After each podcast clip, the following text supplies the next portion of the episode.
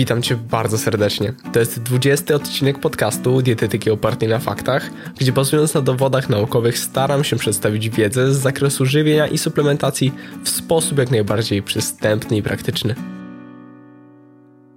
Biorąc odniesienie raport PMR z 2016 roku dotyczący rynku suplementów diety w Polsce, to magnez jest najczęściej kupowanym suplementem przez Polaków. Problem związany z przyjmowaniem owego pierwiastka jest jednak taki, że w zdecydowanej większości ludzie robią to trochę w sposób, mm, delikatnie mówiąc, nieprzemyślany. Brakuje świadomości co do zapotrzebowania na magnez, objawów e, hipomagnezemii, jego źródeł, a w kwestii suplementacji doboru formy czy nawet sposobu przyjmowania. Zatem zapraszam do materiału.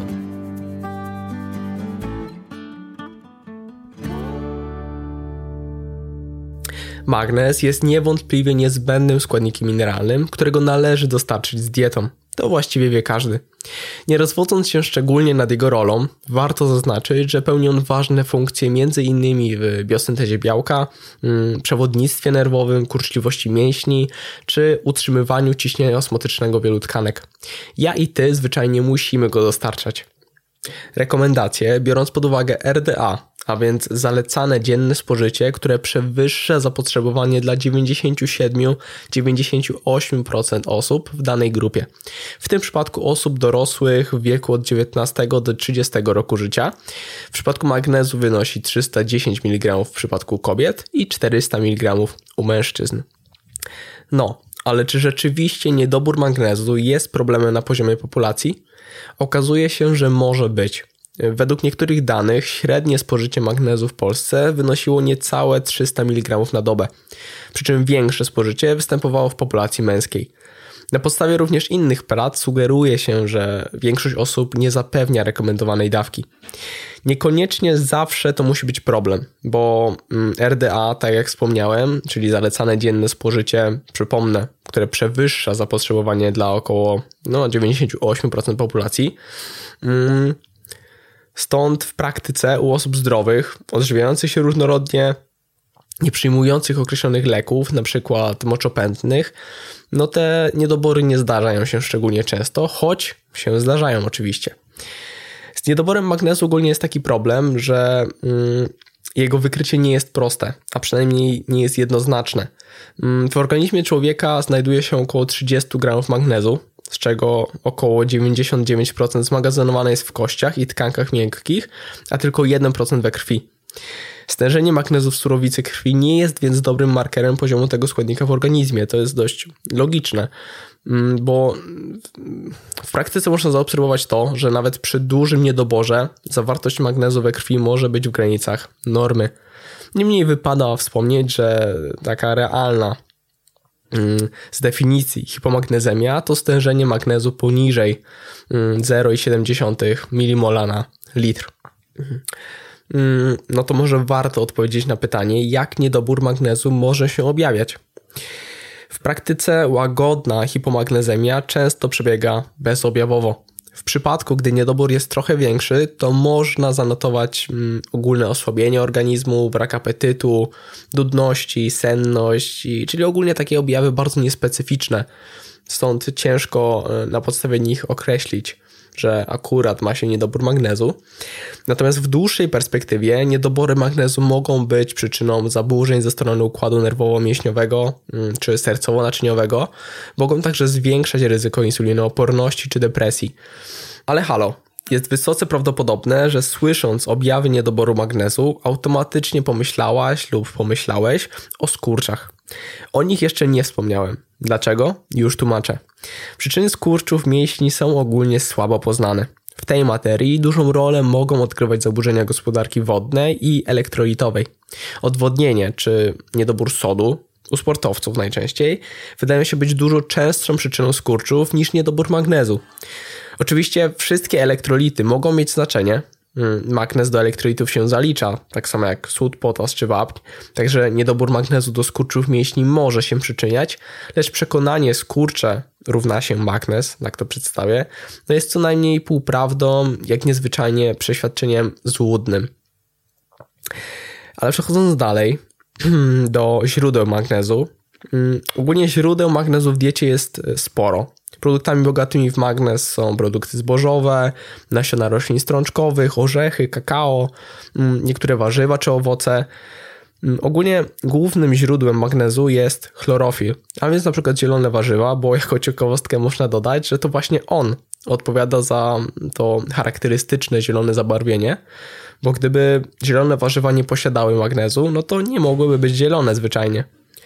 Źródłem magnezu w diecie jest także woda pitna, w szczególności ta wysoko zmineralizowana. Ok, ale jak to wygląda w praktyce? Przykładowo, jeżeli w ciągu dnia zjemy 100 gramów kaszy gryczanej, garść migdałów i trochę warzyw zielonych, to z łatwością pokryjemy zapotrzebowanie na magnez.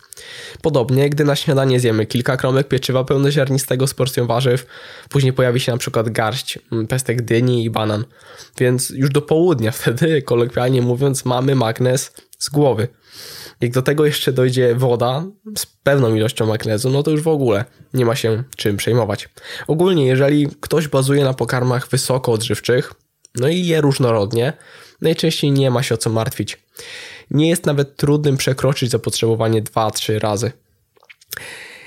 Ok, ale przechodząc do suplementacji, w końcu do suplementacji, która u większości nie jest potrzebna, biorąc pod uwagę dostępność źródeł żywności, ale warto ten temat poruszyć, by po prostu wiedzieć, co wybrać w razie potencjalnej potrzeby. Warto wiedzieć, iż magnez występuje w różnych formach, które podzielić można na nieorganiczne i organiczne.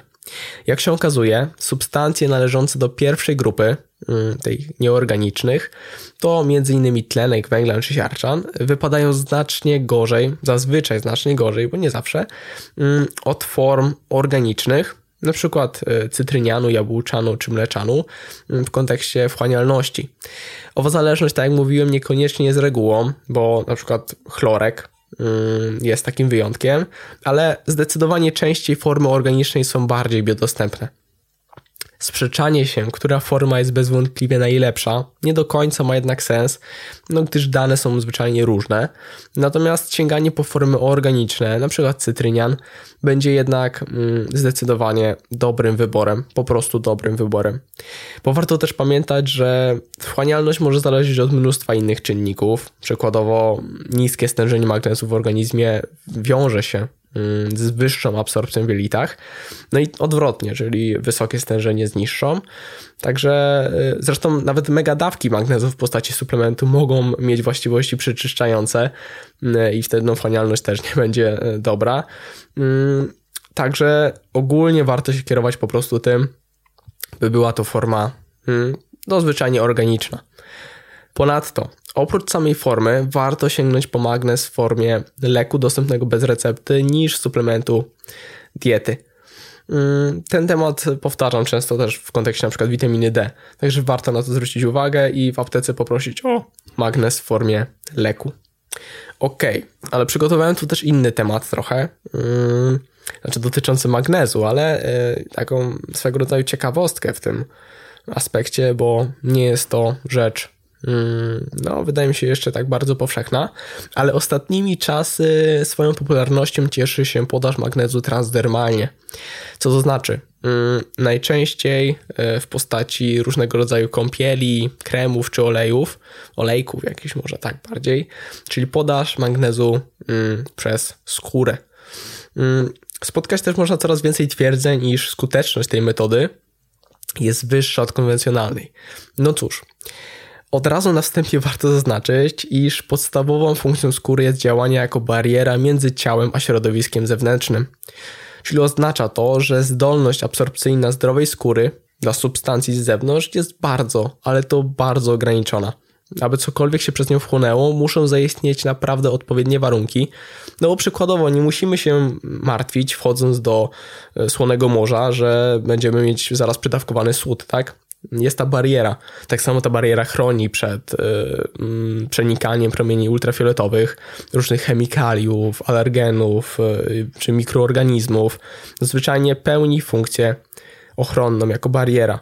Więc aby przejść przez skórę, y, substancja musi przeniknąć przez naskórek lub zostać wchłonięta w obrębie gruczołów potowych czy mieszków włosowych. Pokonanie warstwy skóry mm, w znaczących ilościach jest możliwe tylko dla substancji lipofilowych i niepolarnych. Mm, natomiast y, jeżeli chodzi o roztwór chlorku magnezu, bo o tym będziemy mówić, najczęściej ten magnez możemy spotkać do kąpieli na przykład w postaci chlorku magnezu, występuje w postaci zjonizowanej. Stąd nie jest w stanie przeniknąć przez wspomnianą barierę. W związku z tym absorpcja magnezu może być możliwa tylko w niewielkim obszarze, a mianowicie chodzi tu o obszar gruczołów potowych i mieszków włosłowych. Natomiast one stanowią zaledwie 0,1 do 1% powierzchni naszej skóry. Także nawet jeżeli założymy, że ten e, chlorek magnezu może się dostać do naszego organizmu, no to należy wziąć pod uwagę taką kwestię klinicznego znaczenia wchłoniętych ilości. Mm, no bo tak naprawdę nie wiemy, ile tego magnezu się może wchłonąć. Mm, no więc warto się odnieść do e, badań naukowych, przy czym akurat w tym aspekcie tych badań jest stosunkowo mało. Wiele ma pewne, pewne ograniczenia, niektóre są w ogóle szczególnie wątpliwej jakości, stosując konkretne preparaty sponsorowane. Także ogólnie wydaje się, że jest to kwestia no, niejednoznaczna i w ogóle zależna od wielu czynników. Bo aktualnie tak naprawdę nie wiemy, ile i w jakim stężeniu należałoby owego magnezu przyjmować mm, oraz w jakim miejscu, aby osiągnąć konkretne dawki. W przypadku kąpieli nie mamy pojęcia, jak długo należy w wannie przebywać, w jakiej temperaturze, mm, jakie to rozcieńczenie ma być. Także no, mm, to wszystko jest aktualnie kwestią spekulacji i brakuje dowodów naukowych, by wyciągnąć jakiekolwiek standardy lub rekomendacje.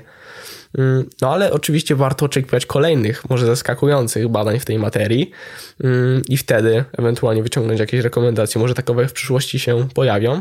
I aktualnie no jest to trochę mm, bez sensu, no bo wiemy, że podaż doustna suplementów z magnezem jest skuteczna i sprawdza się w praktyce mm, i wiemy, jakie dawki przyjmujemy.